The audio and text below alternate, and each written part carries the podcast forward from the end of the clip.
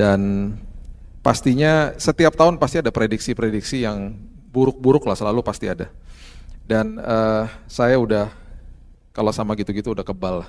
Karena karena gini loh, semua uh, anak Tuhan yang didirikan di atas batu karang kehidupannya, walaupun ada badai, ya pastinya kokoh. Dan walaupun ada badai, dikasih jalan keluar sama Tuhan. Walaupun ada kerugian karena kita anak Tuhan, diperhitungkan sama Tuhan, gitu loh. Jadi uh, jangan juga pernah bilang begini, oh saya anak Tuhan, saya nggak akan kena badai. Enggak juga, kita kena badai juga kok. Semua kena badai. Kita hidup di dalam dunia yang sudah jatuh. Jadi uh, perbedaannya kan gitu, ada rumah didirikan di atas batu karang, di atas yang satu lagi di atas pasir, itu aja. Jadi makin kita kuat, makin kita mau ditanam sama Tuhan, kita akan jadi orang-orang yang kokoh gitu loh pribadinya. Nah, di dalam sebuah peristiwa seperti masuk tahun yang baru, kemudian dalam hidup ini, pasti kita ini punya pengharapan gitu loh. Nah, Paulus menjelaskan pengharapan itu sangat detail sebenarnya. Dan dia memberitahu jemaat di Roma tentang sebuah pengharapan tuh artinya apa? Pengharapan tuh bukan sebuah tombol yang kita bisa tekan on sama off gitu. Oh butuh pengharapan tekan on gitu. Gak, gak gitu, pengharapan tuh gak gitu. Dia jelaskan sangat detail sebenarnya. Nah kemudian dia mulai dari kitab Roma ini dia mulai dari ayat yang pertama di Roma pasal yang kelima dia mulai katakan hal ini dan ini sangat dalam sebenarnya. Dia katakan gini, sebab itu kita yang dibenarkan karena iman kita hidup dalam damai sejahtera dengan Allah oleh karena Tuhan kita Yesus Kristus. Hidup dalam damai sejahtera itu artinya luar biasa sebenarnya. Jadi yang dia mau sampaikan kepada kita gini, kita ini berharap kepada Tuhan yang tidak pernah berseberangan sama kita gitu loh. Jadi kalau kita berpikir bahwa saya berharap sama Tuhan yang kerap kali suka marah sama saya, kalau saya buat salah ntar dia marah sama saya, dia berseberangan sama saya, tergantung sama performan saya sama Tuhan gitu loh. Itu akhirnya jadi ngawur akhirnya uh, kita punya paradigma tentang pengharapan. Tuhan itu tidak pernah sekalipun berseberangan sama kita. Dan bahkan Tuhan tidak pernah meninggalkan kita sedetik pun gitu loh. Makanya saya terus katakan, karena saya sedih lah selama pandemi kan banyak orang karena memang banyak online dan lain sebagainya, orang mulai katakan gak rasakan hadirat Tuhan, gak rasakan hadirat Tuhan. Ya ampun, Tuhan tuh gak pernah ninggalin kita loh. Jadi kalau kita gak rasakan hadirat Tuhan ya salah kita sendirilah. Gitu loh, karena merasakan hadirat Tuhan tuh ya karena pakai kata merasakan jadi kita mengandalkan emosi dan perasaan gitu loh. Betul, kadang-kadang emosi kita tersentuh gitu ya tersentuh, kita bisa nangis, bisa rasakan gitu. Tapi kalau nggak rasakan pun Tuhan tetap ada. Tuhan bukan yang nggak hadir. Jadi nggak bisa selalu merasakan hadirat Tuhan pakai emosi nggak bisa. Tuhan itu harus dinilai, dirasakan itu dalam tanda kutip ya, dirasakan dengan iman bahwa Dia tuh hadir. Bahkan penulis penulis Mazmur maksud saya. Dalam bahasa Inggrisnya dia katakan, ketika aku bangun engkau masih ada. Dengan kata lain dia lagi memberitahu kepada kita, selagi kita tidur dia ada, sebelum kita tidur juga dia ada. Dia tidak pernah sedetik pun tinggalkan kita. Nah sering kali karena seolah-olah sepertinya kita nggak dijawab sama dia, kita mengatakan bahwa Tuhan tinggalkan saya, Tuhan tidak ada dan lain sebagainya. Sama lah seperti murid-muridnya ketika masuk ke dalam perahu. Diajak pergi sama Yesus, Yesusnya tidur. Kan teriak mereka, engkau tidak peduli dengan aku, dia ada di situ loh. Dan dia udah katakan, marilah kita bertolak ke seberang marilah kita bertolak ke seberang tuh artinya kita pasti sampai ke seberang karena Yesus yang ngomong. Terus dia tahu, apakah dia tahu dia mau tidur dia, dan dia capek? Tahu, makanya dia berfirman dulu. Dia tahu dia mau tidur, marilah kita bertolak ke seberang. Artinya kita pasti sampai ke seberang. Mereka enggak mudeng. Terus dia tidur. Kalau waktu itu badai dan Alkitab dengan jelas mengatakan ombak udah menyembur masuk ke dalam. Kalau mereka nggak bangunkan Yesus, mati nggak mereka? Enggak lah, tenggelam perahunya. Gak mungkin, ada Yesus kok. Gak mungkin. Makanya Yesus keras sekali bicara sama mereka setelah dia menuduhkan badai. Bukannya setelah dia menuduhkan badai terus dia bilang begini, terima kasih ya udah bangunin aku ya. Aduh hampir loh kita mati loh. Dia gak pernah ngomong gitu. Dia keras sekali dia bilang apa? Kenapa kamu gak percaya? Kenapa kamu begitu takut? Digituin sama Yesus. Jadi apa pun terjadi, perahu kehidupan boleh bergoncang dan lain sebagainya. Ingat Yesus ada di dalam hidup kita loh ketika dia ada di dalam hidup kita, semuanya pasti aman dan nyaman. Walaupun ada goncangan. Jadi jangan sampai, jangan sampai satu hari dia bilang ini, kenapa kamu takut? Kenapa kamu hidup dalam ketakutan? Kenapa kamu nggak percaya? Saya nggak mau digituin. Dan kita kita berharap kepada Tuhan yang tidak pernah berseberangan dengan kita ribuan tahun yang lalu. Jangan sampai paradigma ini dibawa dalam kehidupan kita. Ada yang namanya imam besar yang masuk ke dalam ruang maha kudus sekali setahun. Namanya hari pendamaian. Dia menjadi mediator antara Tuhan dengan manusia. Imam besar pertama namanya siapa? Harun. Dia ketika masuk ke dalam ruang maha kudus, ruang maha kudus juga merupakan ironisnya ruangan yang menakutkan. Karena Tuhan itu berseberangan saat itu dengan manusia. Bahkan Tuhan memisahkan hidupnya dengan manusia. Karena dia sudah berfirman di awal, kalau kamu makan buah ini kamu akan mati. Mati itu artinya dipisahkan dari hadirat Tuhan. Makanya fase kematian pertama manusia diusir dari Taman Eden. Itu fase kematian pertama. Fase kematian kedua manusia mati secara fisik. Jadi Tuhan memisahkan dirinya dengan manusia. Jadi manusia harus melakukan prosesi-prosesi supaya Tuhan hadir, kemudian ada yang namanya pendamaian. Pendamaian itu sekali setahun. Makanya dinamakan The Atonement Day, hari pendamaian. Kita kalau bahas itu ngejelimetnya luar biasa. Bayangin ada pelataran, ada ruang kudus, ada ruang maha kudus. Dimulai dari tabernakel Musa awalnya. Belum ada bait, tabernakel Musa, kemudian ada kemah Daud, bait Allah 1 dan 2, didirikan sama Salomo, kemudian Serubabel, kemudian direnovasi lagi sama Herodes. Itu akhirnya dihancurkan semuanya. Akhirnya ketika Yesus datang, semua yang sakral karena itu merupakan sebuah tempat yang merupakan indikasi ada hadirat Tuhan di situ, itu dihancurkan akhirnya. Bahkan Yesus katakan di Matius 12, sebentar lagi ada yang melebihi bait Allah. Dengan kata lain dia lagi kasih tahu, semua yang serba gedung udah aku akan singkirkan sebentar lagi prinsip gereja adalah tubuhmu adalah bait Allah. Nah lo, bingunglah mereka waktu saat itu. Jadi ketika akhirnya terjadi hal-hal seperti itu di zaman itu, jangan sampai dibawa-bawa ke kehidupan kita sehari-hari. Sekarang yang namanya hamba Tuhan, saya, Bu Meli, Pak Freddy, kita ini bukan mediator. Jadi hamba Tuhan gak boleh dikultuskan kita hanya penyampai kabar kebenaran gitu loh. Kita punya mediator agung namanya siapa? Yesus. Yang mati sekali untuk selamanya, bukan sekali setahun. Sekali setahun, kemudian tahun depan lagi, enggak, sekali untuk selamanya. Justru pada saat itu memang mengerikan ketika dia masuk kalau dia tidak kudus sang imam besar, ketika dia memercikan darah hewan di atas tabut perjanjian, ketika hadirat Tuhan turun, Tuhan melihat manusia, melihat imam besar harus dari lensa hukum. Kalau manusianya tidak kudus, mati dia. Makanya imam besar harus bersih-bersih dulu sebelum masuk ke dalam ruang maha kudus. Sekarang kita nggak perlu bersih-bersih dulu sebelum datang ke hadirat Tuhan. Karena kalaupun kita berdosa masuk ke dalam hadirat Tuhan yang ada kita dibersihkan. Gak ada orang seka-seka sebelum mandi.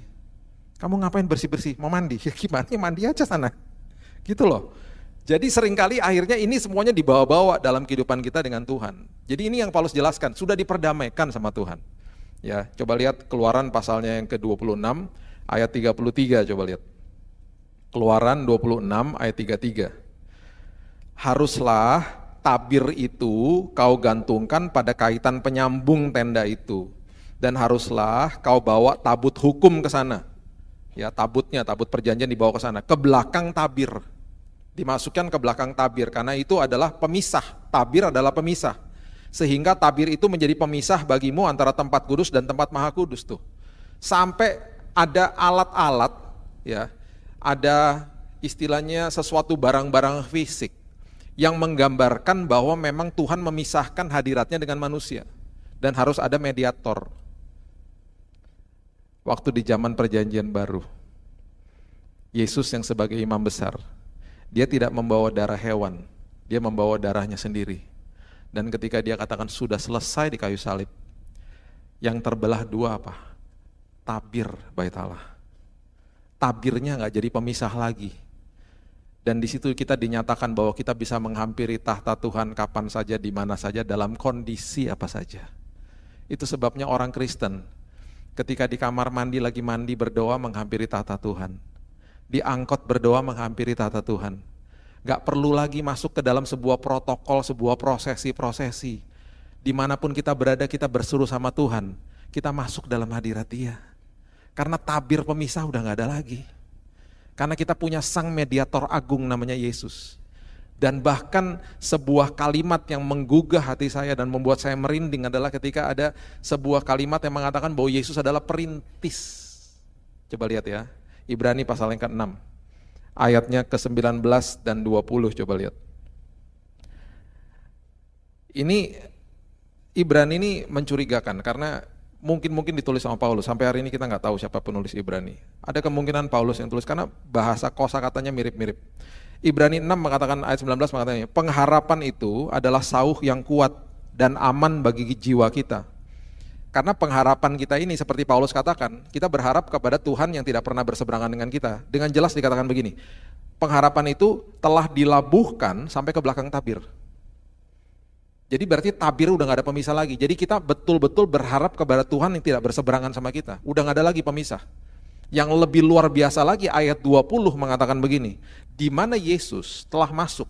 Yang dia masuk sebagai perintis dikatakan. Bagi kita. Ketika ia menurut peraturan Melkisedek menjadi imam besar sampai selama-lamanya. Perintis itu arti kata dari forerunner Forerunner bahasa aslinya prodromos itu adalah orang yang suka lari masuk ke dalam kota berteriak. Ada orang penting, ada pejabat, ada raja, ada permaisuri yang mau datang. Dia teriak. Itu arti daripada prodromos. Kemudian rakyat pada turun semuanya.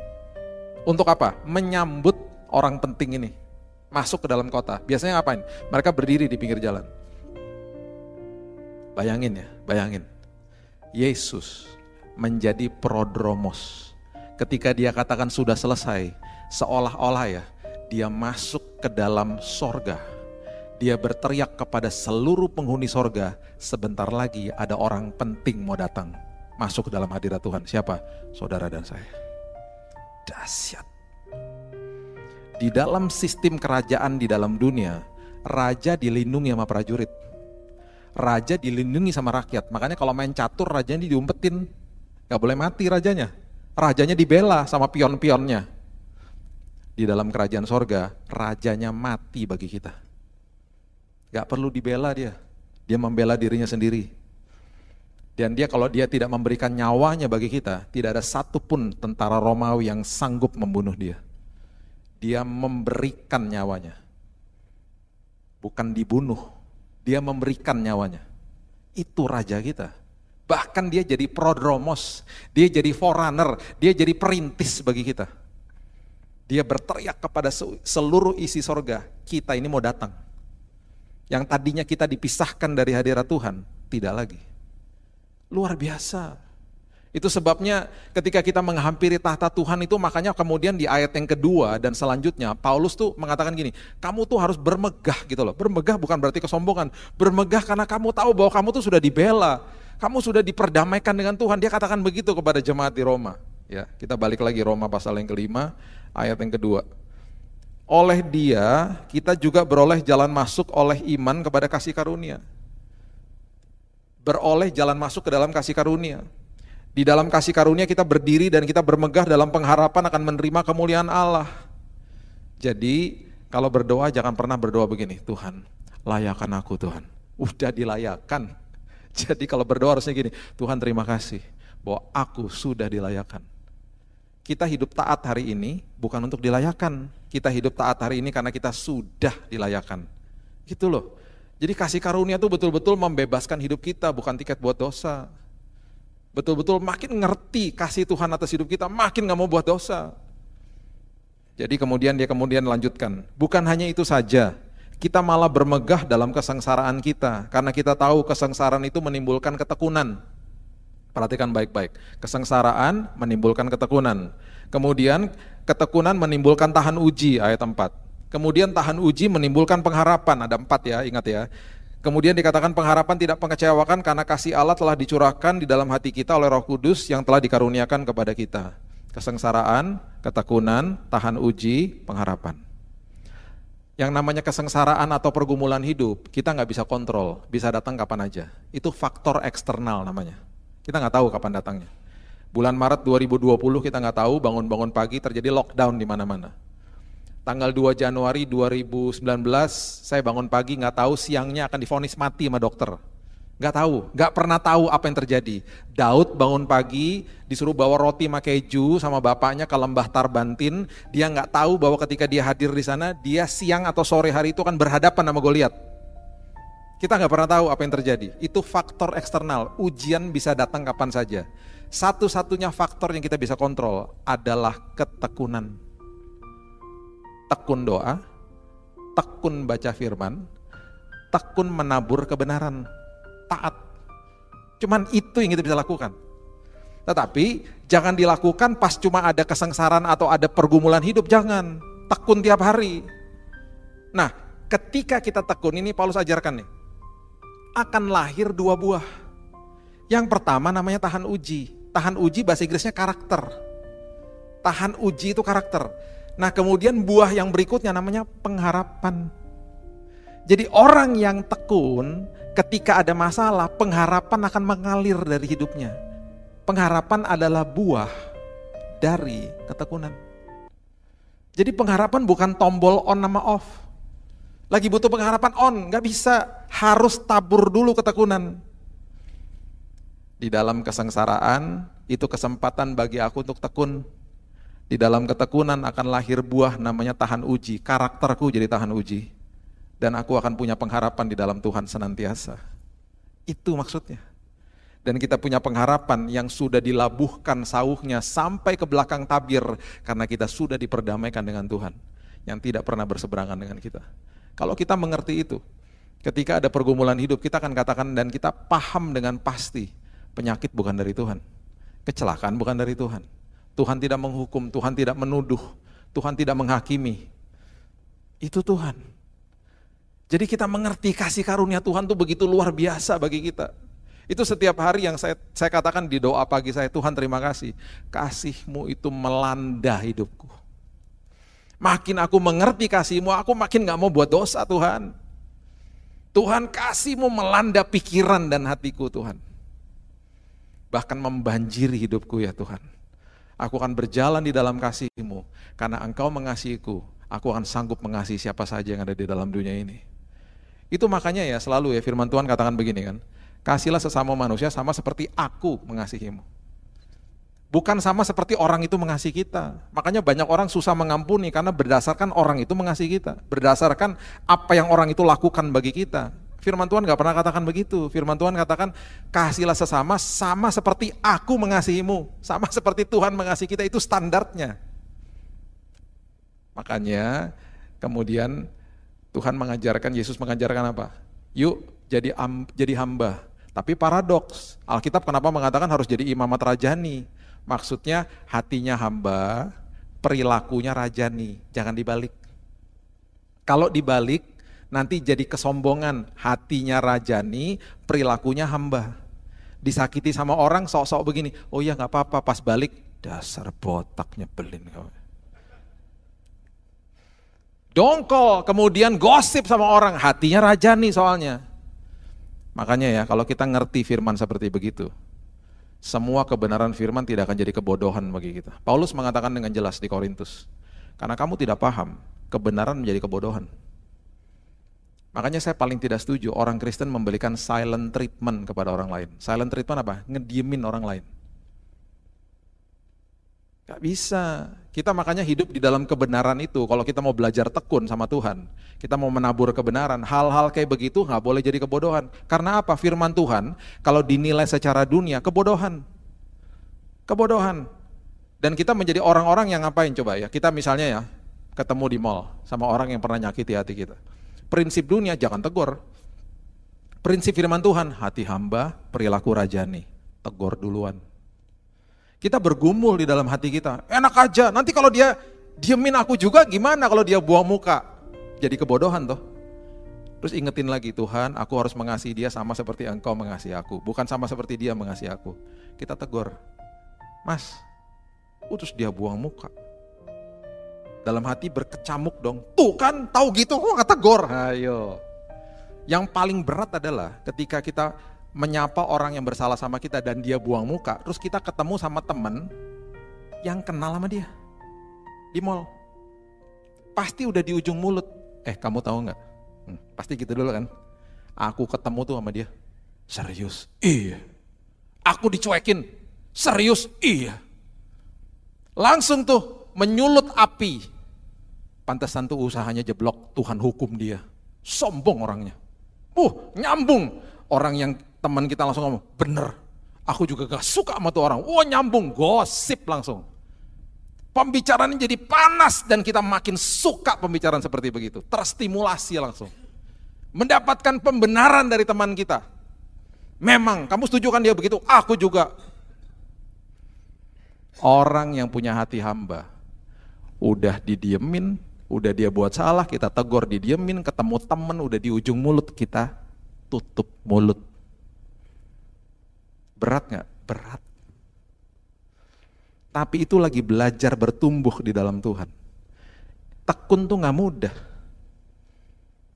Saya belajar tekun, saya nggak mau gosipin dia. Belajar menabur kebenaran, lihat, tahan uji nanti. Ketika ada sebuah badai, tahan uji. Karena kita tekun. Nah, di persepsi manusia, sebuah pengharapan itu seolah-olah nggak ada dasarnya. Paulus juga bilang kok, coba ya, Roma 4 coba lihat ayatnya yang ke-18. Roma 4 ayat 18. Sebab sekalipun tidak ada dasar untuk berharap. Persepsinya manusia nggak ada dasar untuk berharap. Orang kita yang kita lihat masalah kok. Kita kan sejak kita lahir sampai kita menutupkan mata, kita kan nggak lihat Tuhan secara fisik. Siapa yang lihat Tuhan secara fisik? Yang kita lihat masalah kok. Udah gitu kita diminta untuk percaya sama Tuhan. Percayanya gimana Pak? Mendengar suaranya. Suaranya pun nggak audible. Nah lo, berarti kan harus melatih pendengaran rohani setiap hari. Nggak mudah. Makanya Yesus bilang apa? Sama Thomas, karena kamu sudah lihat, kamu percaya. Kalimat berikutnya tuh buat kita. Berbahagialah atau diberkatilah itu artinya adalah diberkati loh makarios diberkatilah orang-orang yang tidak melihat aku namun percaya kita adalah orang-orang yang diberkati Tuhan. Karena kita tidak lihat dia secara fisik namun kita percaya hari lepas hari. Hidup di dalam berkat Tuhan itu luar biasa. Berkat bukan materi ya. Berkat itu berarti kita dapat perkenanan Tuhan, pintu dibukakan, dapat damai sejahtera, dapat hikmat. Itu berkat loh. Hidup di dalam berkat. Pada semenjak awal nanti satu hari kita bahas ya, perbedaan antara berkat dengan mujizat. Mujizat itu ada ketika manusia sudah jatuh dalam dosa. Kalau enggak, enggak ada kan ada mujizat. Semuanya hidup dalam hadirat Tuhan kok. Mujizat itu terjadi ketika manusia jatuh dalam dosa. Mulai ada kata, kata mujizat pertama yang keluar di Alkitab pun itu mengacu kepada tulah. Kata mujizat pertama tuh di, di, di, dikeluarkan, didokumentasikan di Alkitab itu kepada Musa. Yang mengacu kepada tulah-tulah nantinya. Jadi jangan dikejar-kejar berkatnya. Hidup dalam jangan dikejar-kejar mujizatnya. Hidup di dalam berkat Tuhan gitu loh. Dan berkat bukan materi. Itu salah satu produk daripada apa yang kita kelola dalam hidup ini. Wah itu panjang lah nanti. Itu nanti kita akan kita kupas ya satu hari kita kupas supaya kita ngerti berkat dan mujizat itu artinya apa gitu loh. Nah ketika hidup di dalam Tuhan kita melihat sesu, sesuatu kehidupan ini yang kita lihat kan masalah. Itu sebabnya Paulus bilang apa? Enggak ada dasar untuk berharap. Terus dia lanjutkan. Namun Abraham berharap juga dan percaya. Walaupun di depan kita nggak ada dasar untuk berharap, namun kita percaya juga bahwa ia akan menjadi bapak banyak bangsa menurut yang telah difirmankan demikianlah banyaknya nanti keturunanmu.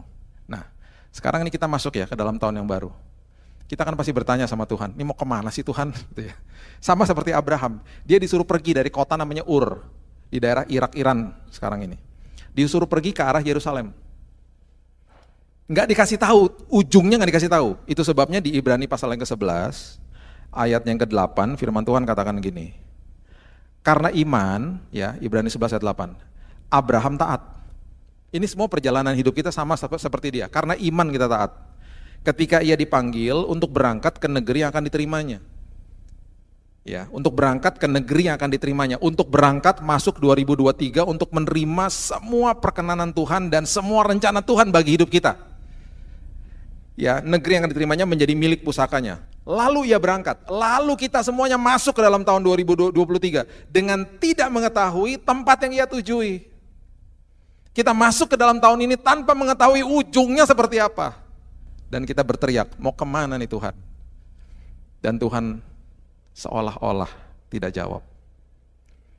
Saya di rumah sakit nanya sama Tuhan, mau ke mana nih Tuhan? Saya dalam kondisi kritis, Senin sampai Kamis, kritis. Beberapa kali hampir mati, mata udah putih. Istri saya yang ceritain, saya karena udah pingsan, saya udah nggak tahu. Karena leukosit darah putih udah nol. Kalau Bapak Ibu belum tahu kesaksian saya, saya pernah kena kanker tahun 2019, kanker darah. Dan itu udah akut dan Senin sampai Kamis itu kritis.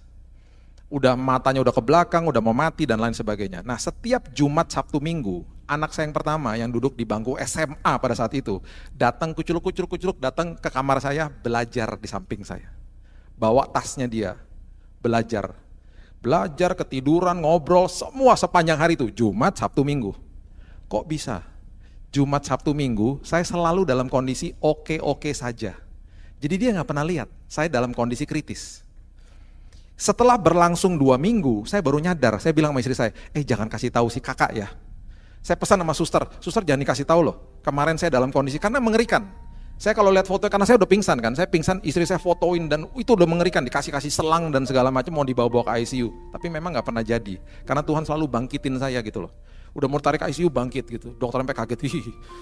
terus minta makan, minta minum gitu. Oh tapi udah kritis gitu loh. Setiap Jumat, Sabtu, Minggu, selalu dalam kondisi oke-oke saja.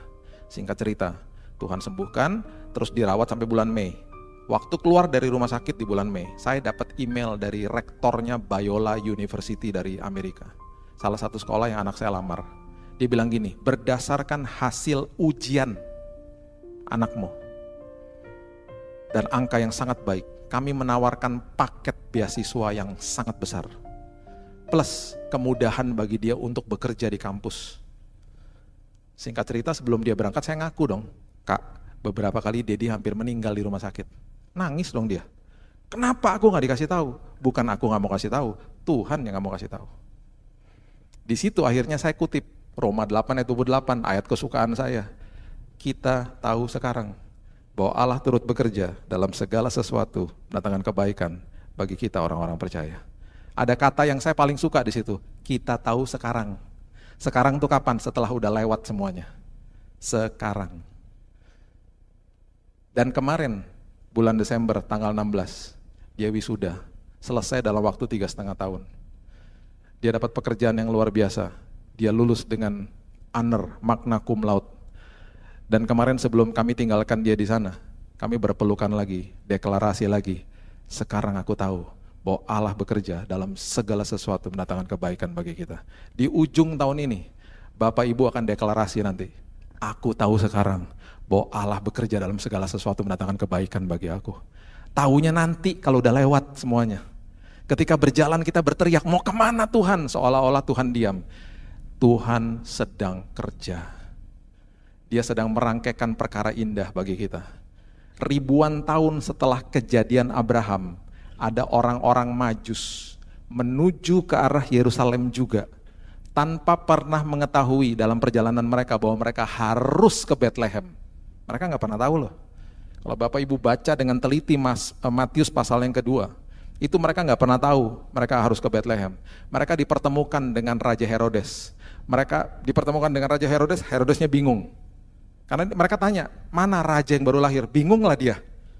Dia pasti nanya sama keluarganya, ada nggak yang baru lahir nanti akan gantikan saya? Dia kan insecure orangnya.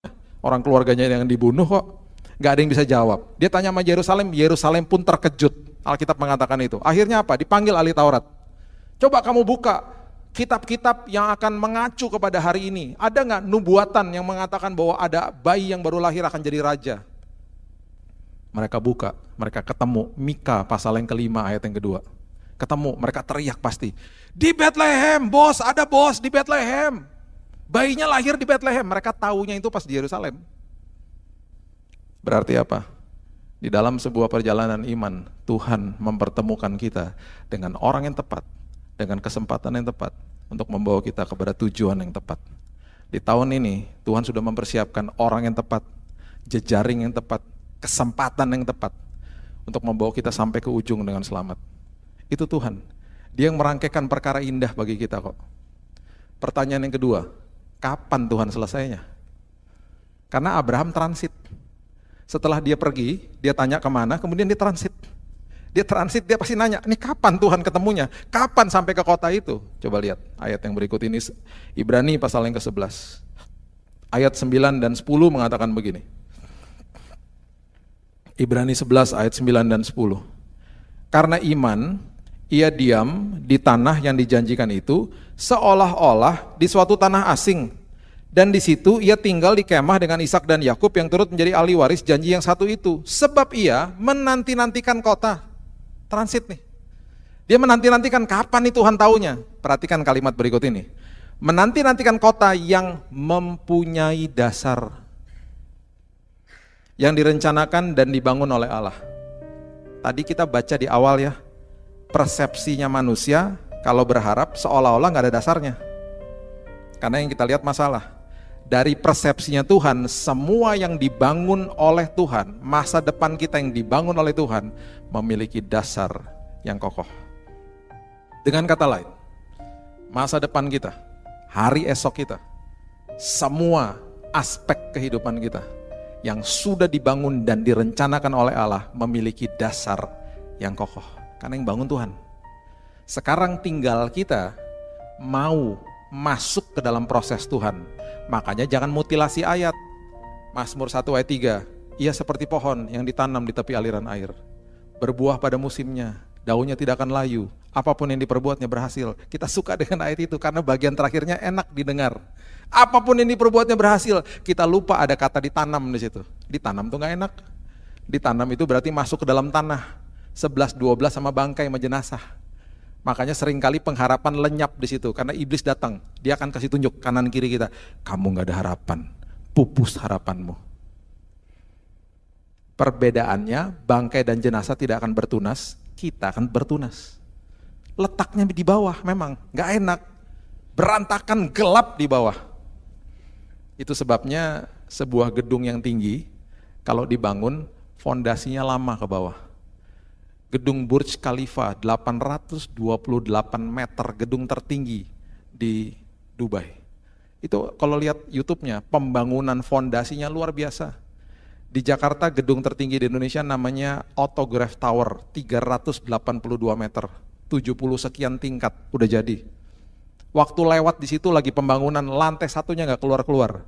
Sampai saya bilang sama istri saya ini mangkrak jangan-jangan nih, nggak jadi nih proyeknya. Ketemu sama teman arsitek, dia bilang, Bill, itu lama Bill kalau dibangun. Karena kamu jadi gedung tertinggi. Dan mahal, makanya kereta MRT yang ada di bawah tanah, mahal harganya, lebih mahal dari LRT yang ada di atas. Semua yang dibangun ke bawah mahal harganya. Makanya kalau kita tanya, sampai kapan Tuhan?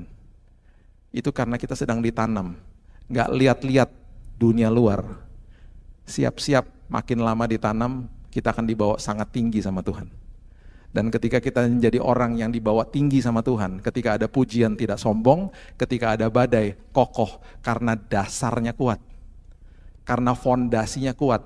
Fondasinya itu berarti karakternya tahan uji. Jadi tenang aja. Kalau kalau sampai pertanyaan itu keluar kapan Tuhan? Ngucap syukur aja Terima kasih Tuhan, aku sedang ditanam.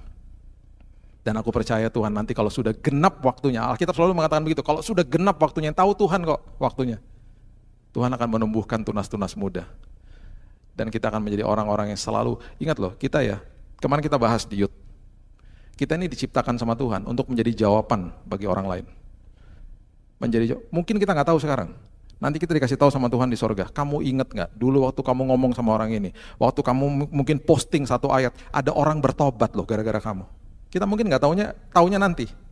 Kita nih ada di dalam dunia ini untuk jadi jawaban bagi orang lain. Jadi hidupi hidup ini karena kita adalah orang yang sangat penting bagi Tuhan. Ya. Yang terakhir, pertanyaan yang berikutnya setelah ke mana, kapan, pasti kita tanya gini, bagaimana Tuhan caranya? Saya bingung Tuhan, bagaimana caranya Tuhan? Sepertinya seolah-olah kayak semuanya nggak mungkin gitu loh Tuhan. Ya, Ibrani pasal yang ke-11, ayatnya yang ke-11 dan 12 mengatakan begini.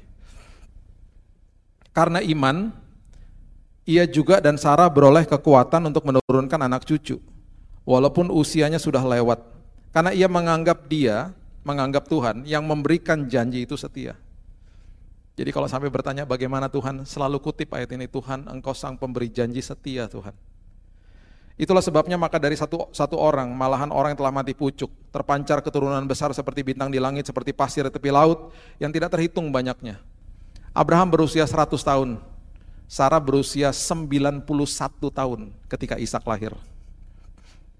Dan kemudian Ibrani pasal yang ke-10 ayat yang ke-23 menegaskan hal ini. Ibrani 10 ayat 23. Marilah kita teguh berpegang pada pengakuan tentang pengharapan kita. Teguh berpegang pada pengakuan tentang pengharapan kita. Karena banyak sekali orang akhirnya tidak teguh berpegang pada pengharapannya. Kamu masih berharap juga. Harus teguh, yes, aku berharap, anakku tahu.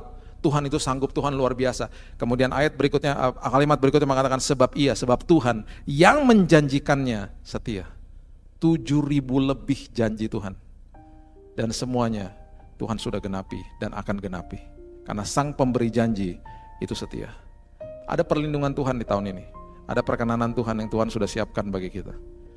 Saya akan tutup dengan kisah nyata ini. Ada 50 orang tentara Amerika ditawan di daerah Jerman di dalam Perang Dunia Kedua. Ditawan sama tentara Nazi, tentara Jerman. 50 orang ini ditawan masuk ke dalam sebuah sel yang sangat gelap. Dan di dalam sel itu, mohon maaf, mereka makan dan buang air di situ. Jadi mereka betul-betul tidak sanitize. Mereka hidup dalam kondisi yang kotor, makanan mereka tidak layak, mereka udah sangat kurus sekali dan mereka tinggal tunggu mati. 50-50-nya. Tiba-tiba satu hari. Penjaga mereka, tentara Nazi, tentara Jerman, terkejut karena mereka melihat bahwa 50 tentara ini saling berpelukan dan saling tersenyum satu sama yang lain. Seperti ada pengharapan. Cek dan recheck, rupanya ada salah satu dari mereka yang menyelundupkan radio transistor kecil. Dan di radio itu dikatakan bahwa perang dunia kedua sudah selesai. Dan yang lebih luar biasa lagi dikatakan bahwa sudah ditandatangani bahwa setiap tahanan perang harus diperlakukan dengan baik karena pertolongan sedang on the way. Mereka akan dibebaskan. Pertanyaan saya adalah, ketika mereka tersenyum, ketika mereka berpelukan, apakah mereka sudah bebas dari sel mereka? Belum. Mereka masih di dalam sel. Tetapi mereka memiliki sebuah pengharapan. Karena mereka tahu bahwa pertolongan sedang on the way. Mungkin hari ini kita sedang bergumul dengan penyakit. Pergumulan rumah tangga, ekonomi, pekerjaan, usaha, apa pun itu. Tersenyumlah. Nanti kalau pulang peluklah keluargamu. Karena kesembuhan, pemulihan, berkat Tuhan sedang on the way. Sedang dalam perjalanan. Nikmati tahun ini, berjalan bersama sumber atas segala sumber, raja atas segala raja Walaupun gak kelihatan ujungnya, karena kita berjalan dengan dia, ujungnya pasti aman dan nyaman. Dan nanti kita akan deklarasi, aku tahu sekarang Tuhan, bahwa Allah turut bekerja dalam segala sesuatu, mendatangkan orang yang tepat, mendatangkan kesempatan yang tepat, supaya aku menikmati perjalanan hidup ini bersama dengan Tuhan.